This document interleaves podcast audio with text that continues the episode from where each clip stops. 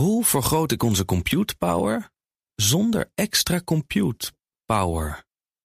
Lenklen, Hitachi Virtual Storage Partner. Lenklen, betrokken expertise, gedreven innovaties. Tech Update. En Roet Oei is bij ons. Hey Roet, goedemiddag. Goedemiddag. Ja, Nvidia is zo groot op de markt van AI-chips... dat uh, kleine start-ups die hebben het dan een beetje moeilijk... die zich ook op die markt willen begeven. Ja, Nvidia is al jaren marktleider op het gebied van bouwen van computerchips... voor kunstmatige intelligentie. Nou, dat weten we allemaal. En dat zie je dus nu ook steeds meer terug in het aantal investeerders... dat niet langer investeert in kleine start-ups... die concurrerende chips proberen te bouwen. Nvidia's dominantie bij het bouwen van computerchips... heeft de durfkapitaalfinanciering. Hè, mensen die denken, nou, ik ga het gewoon proberen. Ja. Ik doe mijn geld in een kleiner bedrijf voor uh, ja, bekoeld. Dat is uh, enorm afgenomen. Het aantal Amerikaanse deals dit kwartaal is met 80% gedaald ten opzichte van een jaar geleden. En dat is niet een klein beetje minder, maar dat wil echt zeggen dat er een enorme. Ja, mensen dat toch niet aandurven.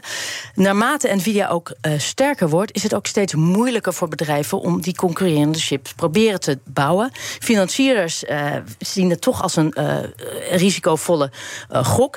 Bedenk ook dat het ontwikkelen van een chipontwerp tot een werkend prototype meer dan 500 miljoen dollar kost. Dus het is ook niet ja. zo gek dat een investeerder drie keer nadenkt voordat ze die portemonnee trekken, omdat ze denken: ja, dat is heel leuk als ik in jou investeer. Maar dat Nvidia, dat eet jou op ja. met huid en haar. Uh, ja, en dat zorgt dus voor een donkere wolk boven de vooruitzichten van de start-ups. Als je het vergelijkt hè, tussen 2022 en 2023, volgens gegevens van PitchBook hebben Amerikaanse chip-startups tot eind augustus dit jaar 881 uh, miljoen dollar opgehaald. Nou, dat denk je best een aardig bedrag. Maar als je dat dan vergelijkt met de eerste drie kwartaal van 2022, haalden ze 1,8 miljard, miljard. miljard dollar op. Nou ja, dat is dus echt een aardig verschil. En dus een zorgwekkende ontwikkeling. Uh, en ook wat betreft de monopoliepositie van Nvidia. Dan ChatGPT. Ja, dat, dat blijkt een uh, flinke innemer.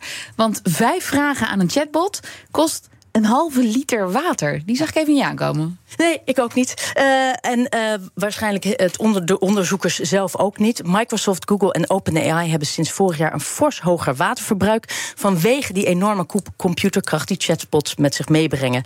Tot een halve liter water per vijf verzoeken dat datacenters gekoeld moeten worden, dat weten mm -hmm. we allemaal. Dat is ook uh, niet nieuw. Uh, maar onze groeiende vraag naar clouddiensten. Daarmee groeit ook het waterverbruik voor het verkoelen. En daar doen de AI-chatbots nog een enorme schep bovenop. Onderzoekers van de University of California hebben onderzocht dat voor 5 tot 50 vragen op ChatGPT al snel 500 milliliter koelwater nodig is. Nou, bedrijven als Microsoft en Google rapporteren hoeveel water en stroom zij verbruiken. Maar het is niet altijd goed te zien in welke centra die worden verbruikt. Okay. En welke toepassingen daarvoor nodig zijn. Microsoft, Microsoft meldt bijvoorbeeld een groei in waterverbruik van 34 procent tussen 2021 en 2022 tot bijna 6,5 miljard liter. En Google meldde over 2022 ook een hoger waterverbruik, maar liefst 20 procent meer dan ja. 2021. Ja, en de, de schatting van een halve liter water per 5 tot 50 producten op opdrachten aan ChatGPT loopt zo uiteen. Volgens deze onderzoekers, locatie, klimaat en seizoen spelen gewoon een grotere rol. Is het buiten warm, is er meer koelwater nodig. Heel ja. logisch. Ja, ook wel een beetje zorgelijk, hè? Want uh, uh, AI groeit en onze watervoorraad, ja, daar wordt steeds meer om gestreden. Ja, en ondertussen beloven deze bedrijven ook beterschap. Hè. Ze hebben deze onderzoeken gekregen en Microsoft Microsoft zegt bijvoorbeeld in een reactie: ja, we gaan echt kijken naar het energieverbruik van AI, terwijl we werken aan manieren om grotere systemen efficiënter te maken. Hmm. Oké. Okay. Kip of thee. Dan tot slot kort gaan we nog even naar de weg, maar dan een heel ander soort weg. Ja, de wegen van Mario Kart Tour. Want het is even slikken voor de fans van Mario Kart Tour. Want na oktober zal er geen nieuwe content meer gemaakt worden voor het populaire spelletje op de smartphone.